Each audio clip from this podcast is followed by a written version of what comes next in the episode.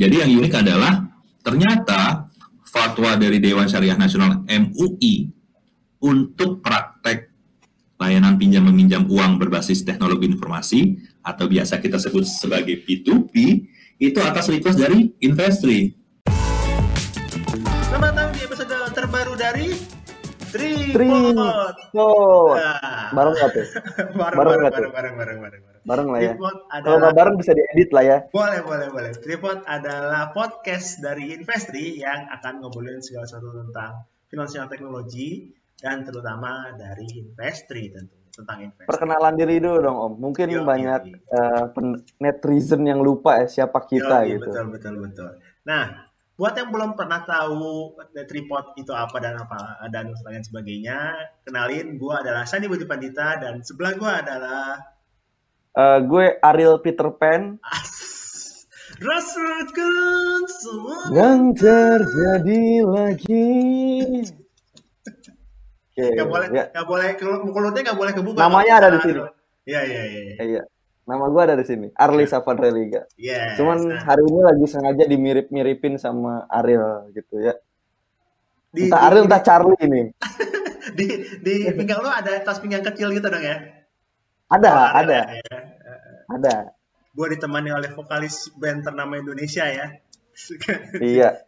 Nah, di episode keempat ini, Lis, kita akan ngobrolin satu, mungkin satu, eh, apa ya namanya, eh, topik yang boleh terbilang baru, tapi juga sebenarnya eh, nggak Nggak baru-baru amat. gitu ya. Jadi, eh, kalau kita tiga, tiga episode kemarin tuh udah ngobrolin tentang fintech itu apa namanya ilegal dan legal gimana, cara membedakannya, terus kita Hmm. juga ngobrolin tentang kantor investri gimana, terus kita juga Iya. ngobrolin tentang eh, emang bank sama fintech tuh gimana sih eh, hubungannya gitu. Nah, di episode keempat ini kita akan ngobrolin tentang salah satu eh, topik yang mungkin em, belum banyak orang tahu gitu karena karena Hmm. sebenarnya kalau untuk khusus- khususnya di fintech ya, di fintech itu eh, orang taunya rata-rata adalah fintech konvensional. Tapi ternyata di OJK sendiri itu sudah terdaftar eh, dari 33 fintech yang terdaftar yang berizin.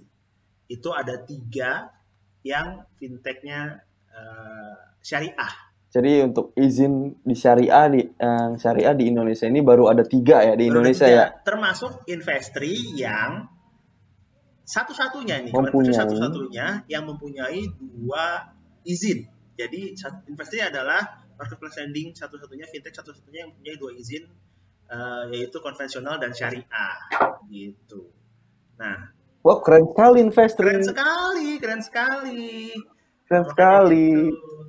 Dari dari 33 yang berizin, tiga yang syariah dan salah satunya adalah investri dan satu-satunya yang punya double izin. Yang Kalau misalnya Dua-duanya. ya kalau misalnya lo lihat di apa namanya situsnya OJK ya, di situ kan ada tiap tiap bulan dia tiap bulan dia update gitu tentang itu. Jadi kalau mau lihat di situ ketahuan gitu ada investri adalah satu-satunya yang mempunyai double izin konvensional dan syariah. Nah, untuk Iya. kita ngomongin syariah, kan gua sih awam ya, Lis. Gua nggak tahu lo, tapi gua sih awam Iya. tentang syariah gitu. Awam Kinton ya. Awam kinton. Awam kinton kuning itu. Nah, itu itu adalah itu adalah ini apa Iya. namanya? eh, Clue kita, clue clue kita. kita. untuk hari ini. Awam kinton adalah kuning. Gitu. Jadi kenapa kuning nanti kita lihat. Eh, ya, jadi kita akan ngobrol sama salah satu hmm, teman kita dari Investri. Beliau adalah VP Syariah dari Investri. VP itu apa ya? VP. Masih lucu Aduh berat. Masih lucu nggak? Enggak sih. Udah enggak, Enggak ya? sih. Enggak, enggak. Yang lain, yang lain. Daripada berlama-lama, mari kita panggil saja atau kita perkenalkan saja eh, VP Syariah Investri yaitu Mas Arif Mediadianto. Halo Mas. Hey.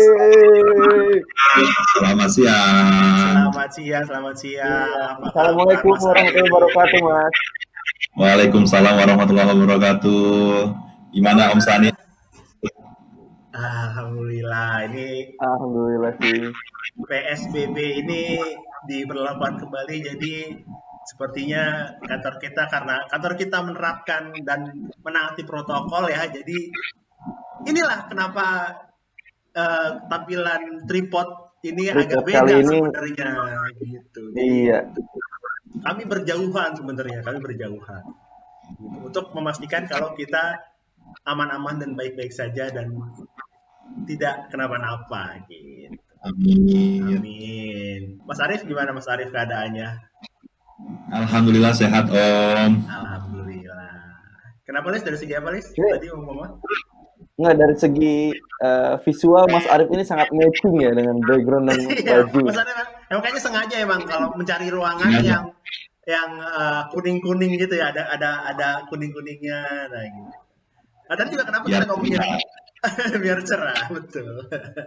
Mas Arief, kita Ya. ini eh, di tripod kali ini pengen ngobrolin satu hal yang mungkin terbilang baru ya buat buat buat orang-orang.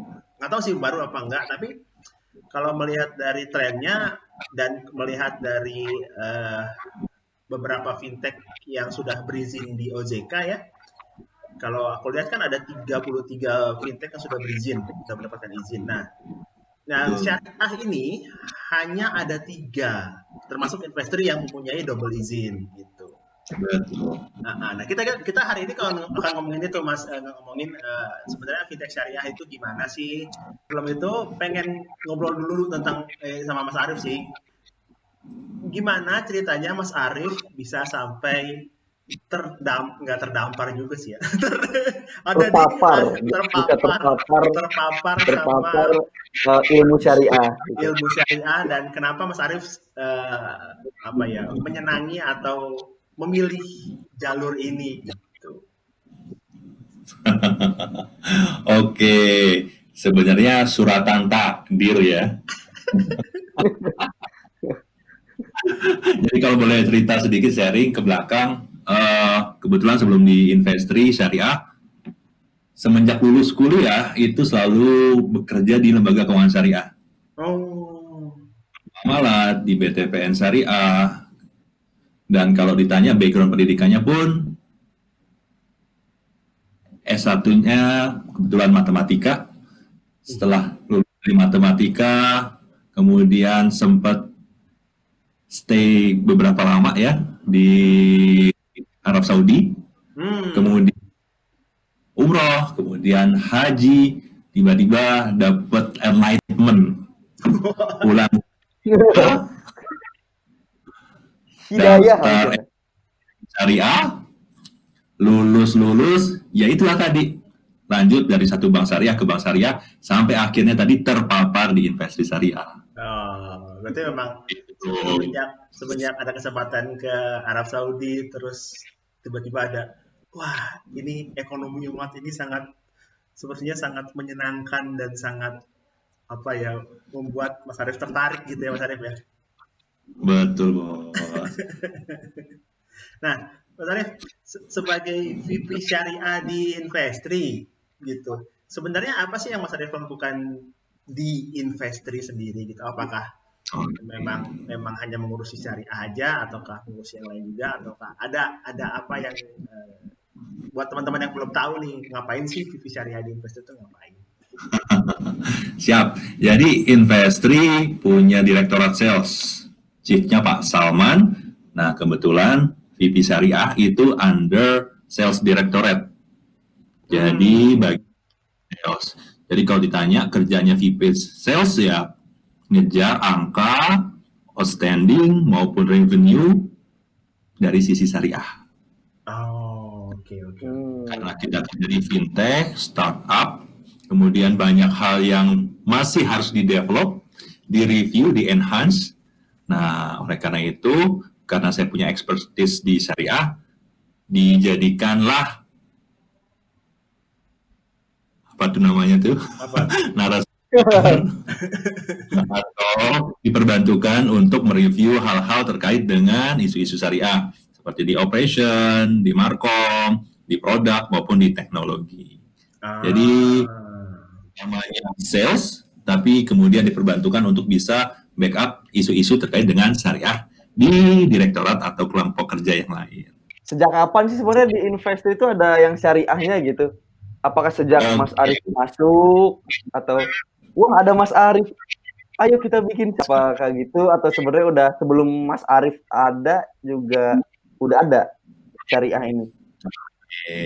Investri syariah sebagai produk syariah itu muncul di pertengahan 2018. Dua tahun yang lalu ya?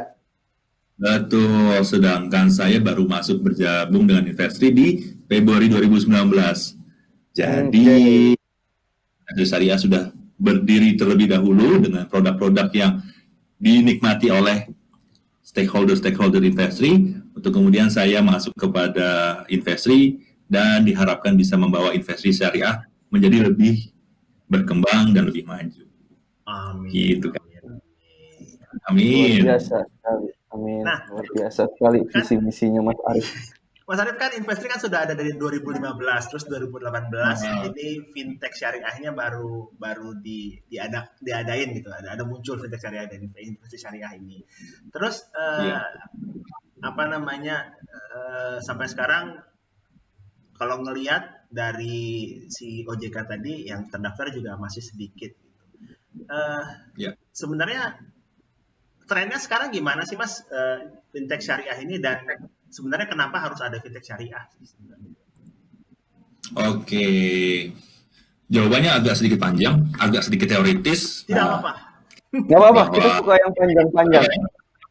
Karena kebetulan saya juga dosen, jadi agak-agak serius ya. Siap. Siap. Jadi kalau kita ngomongin fintech, kita ngomongin yang namanya inklusi keuangan. Apa itu inklusi keuangan? Tingkat penetrasi layanan keuangan di masyarakat. Hmm. Nah, selama ini di Indonesia khususnya masih banyak ternyata masyarakat Indonesia di luar sana yang belum terjangkau layanan keuangan. Oleh karena itu, dengan adanya teknologi, kita harapkan masyarakat-masyarakat yang selama ini tidak terjangkau layanan keuangan bisa menikmati layanan keuangan. Salah satunya adalah mendapatkan kredit atau pembiayaan. Oleh karena itu, kalau selama ini orang datang ke bank punya rekening susah, apalagi punya kredit atau pinjaman, sekarang dengan adanya teknologi, masyarakat di luar sana, di seluruh Indonesia, dengan adanya teknologi, bisa mengakses berbagai layanan keuangan cukup dengan gadget atau gawai yang mereka miliki. Hmm. Otomatis, yang mendapatkan kredit atau pinjaman, otomatis ketika modal kerja produktifnya bisa digunakan untuk meningkatkan modal usahanya, kita harapkan tingkat kesejahteraannya pun akan meningkat sehingga secara keseluruhan taraf hidup masyarakat Indonesia akan lebih baik. Nah, kalau kita ngomongin konteks Indonesia, berarti kita ngomongin negara berpenduduk mayoritas muslim terbesar di dunia. Iya. Hingga salah satu kenapa investasi masuk ke syariah selain karena unsur fintechnya menjadi jawaban atas inklusi keuangan, ternyata kita hidup di Indonesia dengan target market masyarakat muslim yang sangat besar dan itu menjadi prospek bisnis yang sangat baik untuk bisa kita garap sedemikian sehingga taraf hidup masyarakat Indonesia khususnya rekan-rekan yang beragama muslim pun bisa terangkat dengan baik. Gitu, Bos. Uh, emang kalau dosen tuh kalau terangin tuh beda ya. Iya. Beda ya? Eh, jelas gitu. Enak tuh dengerin juga.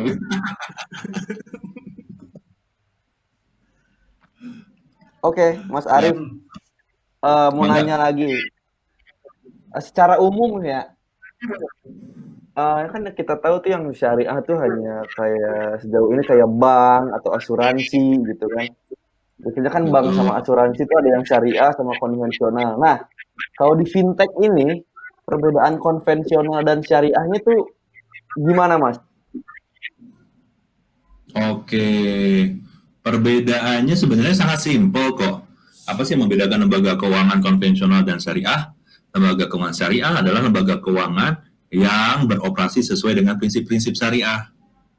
Hmm. Pertanyaan berkembang, siapa yang menjamin mereka sesuai dengan prinsip-prinsip syariah? Karena kita hidup di Indonesia, lembaga yang diakui oleh regulator atau pemerintah adalah Dewan Syariah Nasional Majelis Ulama Indonesia atau DSN MUI.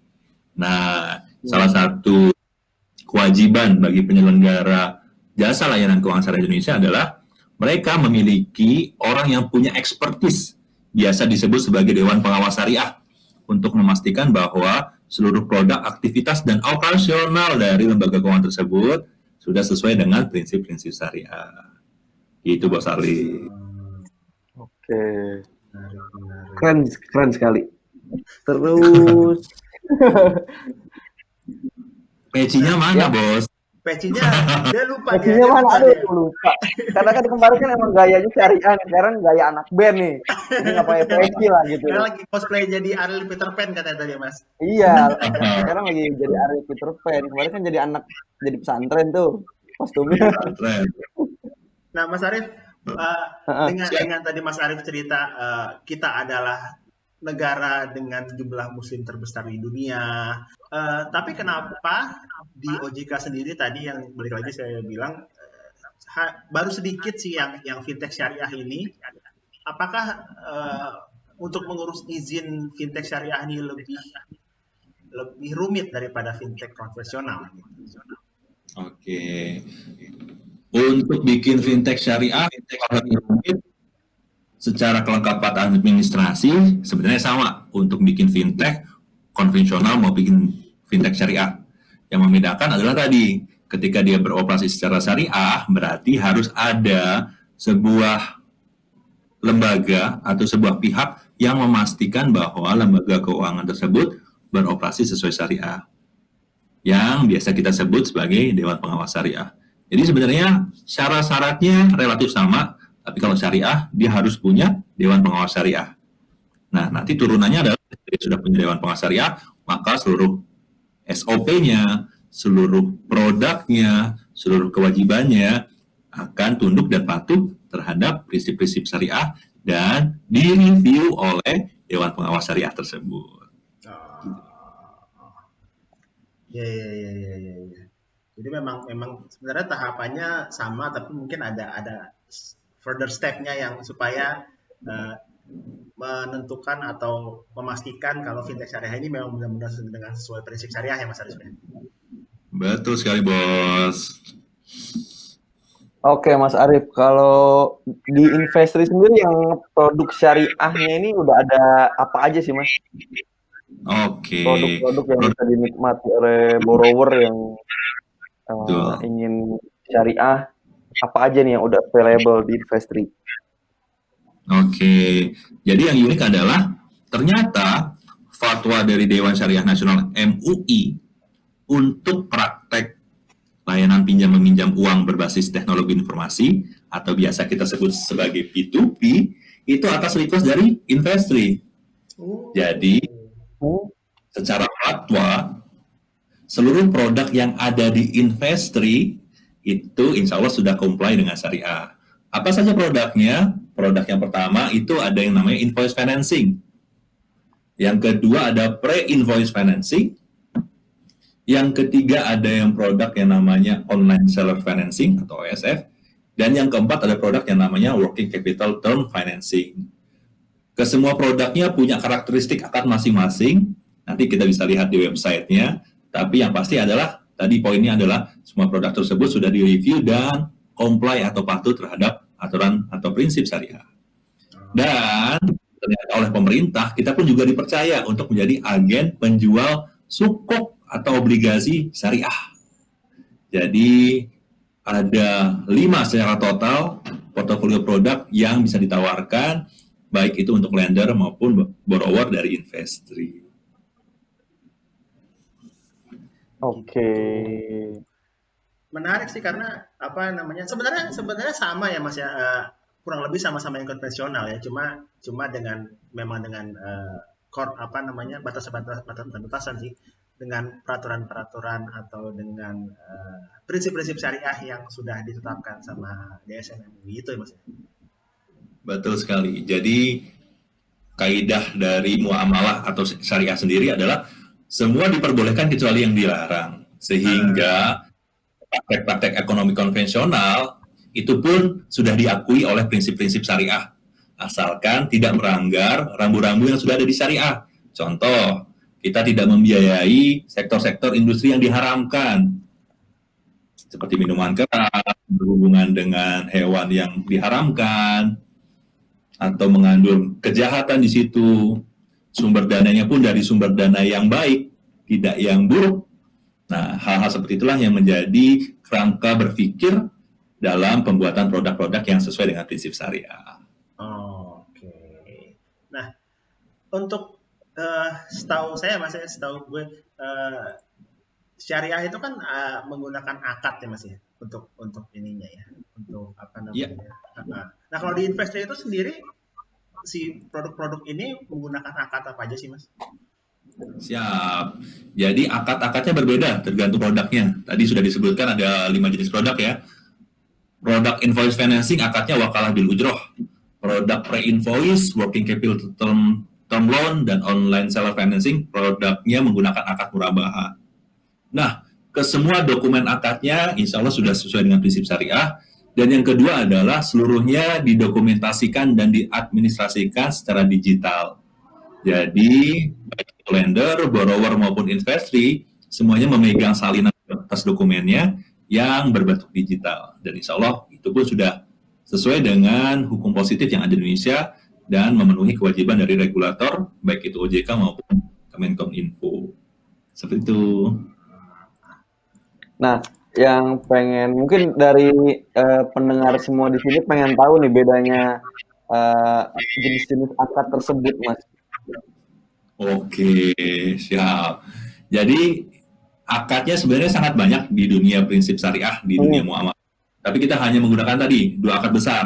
Akad yeah. wakalah roh itu akad mewakilkan. Kenapa mewakilkan? Karena ada unsur anjak piutang di situ. Jadi kita membiayai pengalihan piutang yang dimiliki nasabah. Biasa disebut sebagai ajak piutang. Di beberapa tempat ada produk yang mirip yang namanya factoring.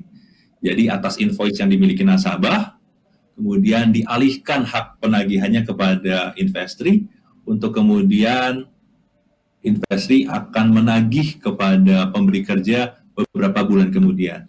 Di saat yang bersamaan, borrowernya sudah mendapatkan dana untuk memutar modal kerjanya. Itu yang pertama. Yang kedua tadi, akadnya berbasis bukan jual beli. Akad yang kita gunakan cuma satu, murabahah.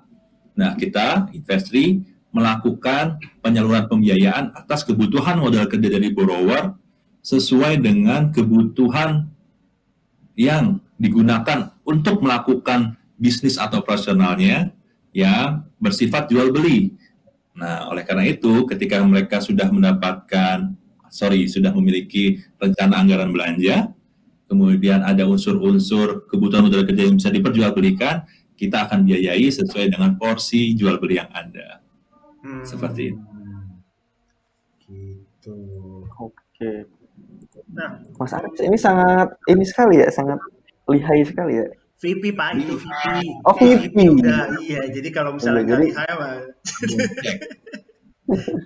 nah, Mas Arif buat buat yang buat yang uh, misalnya kita mereka udah dengerin kita ngobrol terus mereka tertarik nih apa sih yang yang menjadi keunggulan investasi syariah gitu dibanding misalnya dengan yang lain gitu. apa apa yang apa yang okay. kenapa Siap. harus di harus di kita gitu kenapa harus di kita Siap. Secara rasional, kenapa harus di investri? Pertama, peer-to-peer yang insya Allah terbesar di Indonesia. Yang kedua, isinya orang-orang yang punya expertise, punya skill, punya bakat, talent yang baik sekali.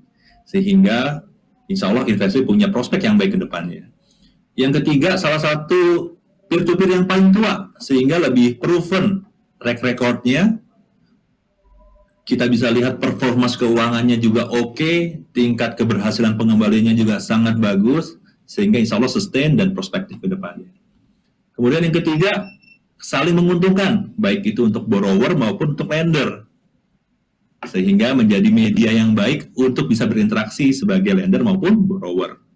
Dan yang keempat, unsurnya unsur emosional, kalau di syariah, insya Allah lebih berkah. Jadi nggak hanya menguntungkan di dunia, tapi juga membawa keberkahan bagi kita di akhirat nanti. Amin. Uh, Mas Arif, uh, saya ada saya bacain DM masuk pertanyaan ya dari salah Bisa. satu follower kita ya. Pertanyaannya dari Al Munawir. Al Munawir. Uh, halo Investri, uh, saya mau nanya, saya hanya punya rekening di bank konvensional. Gimana kalau saya mau jadi lender di Investri untuk pendanaan syariah, apakah bisa? Jadi dia tuh rekeningnya konvensional, tapi dia pengen mendanai syariah. Oke, siap.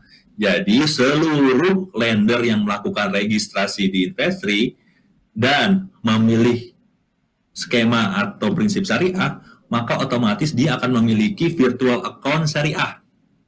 Oh. Hmm. Ada ya, ya, nama ya. Niaga. Jadi ketika dia sudah berinteraksi sesuai syariah, maka semua media infrastrukturnya kita sediakan juga sesuai dengan prinsip syariah. Hmm. Hmm. Itu kalau Jadi bisa jawabannya. Bisa, bisa banget ya. Kalau okay. borrower gimana? Kalau borrower gimana? Sama juga berarti kalau sama. Sama persis. Okay, okay, okay. Hmm. Jadi kita akan sediakan bagi mereka yang ingin secara totalitas bertransaksi sesuai syariah. Oh. Terus uh, kalau misalnya mereka udah daftar, mereka udah uh, sesuai, terus kira-kira kalau misalnya mereka main si Al Munawir tadi ini ya, kira-kira kalau dia memperoleh atau bisa menggunakan dananya itu berapa lama sih mas? Sejak sejak dia uh, apply atau sejak oh, dia yeah. proses gitu. Untuk setiap borrower, SLA kita untuk first time borrower itu 14 hari kerja. 14 hari kerja. Setelah dokumen lengkap. Hmm. Oke. Okay. Itu relatif cepat dibandingkan kalau kita harus masuk atau proses ke lembaga keuangan yang standar seperti bank ya. Hmm. Jadi hmm. masih cukup manageable. Oke oke oke. Terus ada biayanya nggak mas? Untuk okay. mengajukan pembiayaan di industri gitu. Oke, okay. untuk mengajukan pembiayaan tanpa biaya sama sekali, free setiap orang setiap punya yang punya prospek usaha bisa mengajukan usaha mengajukan permohonannya asal sesuai dengan syarat-syarat dokumen tapi ketika nanti sudah disetujui ada dua komponen biaya bagi borrower atau yang memiliki usaha. Yang pertama komponen biaya untuk lender atau orang yang menginvestasikan atau yang menanamkan dananya. Dan yang kedua komponen biaya untuk investri. Hmm. nah biaya tersebut nanti akan bergantung terhadap profil risikonya. Untuk lender sendiri besarannya 12 sampai 20 persen per tahun. Dan proporsional sesuai masa penggunaan. Dan biaya servis untuk investri itu besarannya 2 sampai 4 persen. Nah, lagi-lagi semua tergantung terhadap credit score atau profil risiko dari borrower tersebut. Hmm. Kalau dari segi lender, Mas, apakah ada biaya misalnya uh, transfer bank atau biaya atau atau ada pajak juga itu gimana okay. kalau dari lender? Siap. Dari lender yang pasti seluruh keuntungan yang didapatkan dari berinteraksi dengan investri ada beban atau biayanya. Betul, nomor satu biaya pajak. Yang kedua, apabila dia ingin dikeluarkan dari dana virtual account yang dia miliki, misalkan ke rekening yang mereka sudah biasa gunakan, maka ada biaya transfernya. Jadi betul oh, sekali antar bank mungkin ya. Betul. Tapi kecuali dia memang misalkan dia punya virtual account-nya di Bank Danamon, kebetulan rekeningnya di Danamon, dia bisa overbook tanpa biaya. Wah. Oke. Okay. Oke, dari Om Sani ada pertanyaan lagi kira-kira? Ada. Ada. Ada, ada. kan so, seperti yang kita tahu uh, TKB-nya uh, investasi kan memang tinggi ya mas tapi kan tidak apalagi dengan dengan uh, apa namanya covid dan lain-lain ini kan pasti akan ada satu kasus di mana keterlambatan gitu nah yeah. kalau di syariah kalau di konvensional kan memang ada denda denda keterlambatan ya mas ya kalau di syariah ini gimana mas Wih, siap. Ini masalah yang banyak orang perdebatkan, perselisihkan. Hmm lagi-lagi tadi kita mengacu kepada ketentuan yang diberikan oleh Dewan Syariah Nasional Majelis Ulama Indonesia atau DSN MUI. Nah, salah satu fatwa dari DSN MUI adalah memperkenankan adanya biaya ganti rugi atau denda keterlambatan Hmm. atas yang memang sesuai dengan prinsip syariah ya. Nah, atas denda keterlambatan atau ganti rugi tersebut, kita investasi tidak akan akui sebagai pendapatan, tapi akan kita salurkan kepada pos-pos sosial, kepada lembaga-lembaga filantropi. Oke. Sehingga lebih tepat sasaran, tepat guna, dan sesuai dengan prinsip yang diberikan syariah DSN MUI. Luar biasa sekali.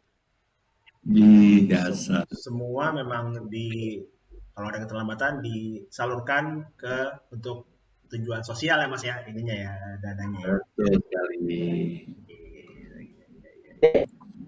Terus kalau kalau misalnya kalau misalnya mungkin pertanyaan terakhir kalau misalnya mereka tertarik menjadi borrower gitu, atau lender, mereka bisa uh, melihat semuanya informasi ada di mana sih mas? Arif? Mas ya. Oke, Investri karena teknologi maka nggak gaptek lah ya. Semua media channel teknologi pasti kita punya. Dari podcast, dari YouTube, dari LinkedIn, dari apa lagi? Twitter punya, Iya. Dan Instagram. di Instagram. Instagram juga kita punya, dan yang pasti kita punya website. Nah, website tersebut yang menjadi simpul semua media, informasi, update dari investri termasuk di dalamnya melakukan registrasi bagi calon borrower atau lender yang tertarik dengan produk-produk yang sudah ditawarkan oleh investri. Hmm, gitu. Jadi memang Jadi memang kalau Gitu. misalnya kalian tertarik untuk ah gue punya usaha nih dan gue pengen eh, lebih nyaman, lebih usahanya lebih berkah gitu ya bisa coba eh, daftar ke investasi syariah ya Mas Arif ya. Setuju. Eh, gitu. Bisa di kalau misalnya borrower memang hanya baru bisa di website ya Iya, betul. daftarnya ya. Kalau misalnya lender, kalau misalnya eh, kalian ingin melakukan pendanaan yang syariah, yang kalian pengen pendanaan dan merasa mungkin gue nggak mau eh, ada riba atau apa gitu, bisa mencoba di investasi syariah di mobile apps juga ada gitu. Jadi jadi ada pilihannya tuh ada konvensional, ada syariah ataupun bisa dua-duanya malah Betul sekali. eh, gitu. Riz, ada yang mau ditanyakan lagi sama Mas Arif? Ah, oke sih udah oke. Udah ya. Jadi Iya. inti dari inti dari eh, pembicaraan kita hari ini adalah memang eh, fintech syariah ini eh, masih terbilang baru ya Mas Arif ya. Kalau boleh Sangat baru. ya. Sangat Betul. baru. Investasi pun baru dua tahun dari dari Iya, 2012 iya, tahun. Eh, baru 2018 dan memang kalau misalnya eh, buat kalian yang eh, pengen merasa eh, lebih ya itu lebih lebih lebih nyaman lebih pengen merasa eh, uang kalian lebih berkah atau segala macam bisa mencoba eh, fintech syariah terutama di investri terutama gitu ya Lis? Iya dong, masa di yang lain lebih baik pilih investri. Iya, nanti Bersama investri semua bisa tumbuh. asik asik asik. Kalau untuk dari Mas Arif sendiri ada pesan-pesan nggak untuk yang nonton eh, apa gitu? Oke, buat semua pendengar podcastnya Investri atau Tripod, jangan lupa akses sosial media Investri dan coba lihat-lihat apa itu investasi syariah, bagaimana produknya, sehingga semua bisa tahu apa itu investasi syariah, dan yang pasti jangan lupa untuk registrasi, sehingga bisa menjadi bagian dari keluarga besar Investri.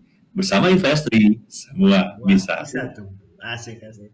Emang investri banget. Sangat iklan sekali ya. Sangat iklan Sangat sekali. iklan. Tapi itu bagus itu yang kita cari sebenarnya yang kita narasumber cari, yang suka iklan itu loh. Kita undang lagi mungkin lain kali ya. Mas Arif ini lain kali kita ini. undang lagi ke pembahasan syariah yang lebih dalam lagi mungkin. Kita ngomongin ya. Pokemon. Enggak ya Mas Arif ya? Oh, iya. warna kuning Pikachu kuning Pikachu. Karena Mas Arif ini sangat suka Pokemon, jadi kita nanti kapan-kapan kita akan ngobrolin tentang itu. Fintech lending yang gak ada catch em all. Wah, asik. Oke. Oke, deh, kalau gitu Mas Arif. Terima kasih sudah meluangkan waktunya untuk ngobrol-ngobrol di Tripod. Sampai jumpa buat Mas Arif. Sampai jumpa lagi Mas Arif. Semoga Thank you, untuk semuanya dan tetap sehat dan stay safe ya Mas Arif ya. Semoga Pakai masker. sehat-sehat selalu. Pakai masker. Nah, itu jangan lupa pakai masker. Jangan pakai masker bengkoang. Pakailah masker kain. masker timun. Masker timun. gitu. Oke, Lis. Kayaknya itu Oke. aja Lis ya episode kali ini. Ya. Sekali lagi terima kasih Mas Arif eh, udah mampir di Tripod. Thank you juga Lis udah kita bisa Jadi cosplay. Yo, jadi cosplay Jadi- jadi Ariel Peter Pan ataupun Charlie ST12. Buat netizen yang sudah menonton, terima kasih sudah menonton. Eh, tunggu episode selanjutnya di dua minggu ke depan kita akan ngobrolin dengan topik-topik yang lebih seru lagi. Dan sekali lagi terima kasih buat yang tadi penasaran sama Investoria bisa coba ke websitenya di investory.id. Eh, dan ya terima kasih sekali lagi sudah menonton bersama Investri. Semua bisa Semua bisa tumbuh.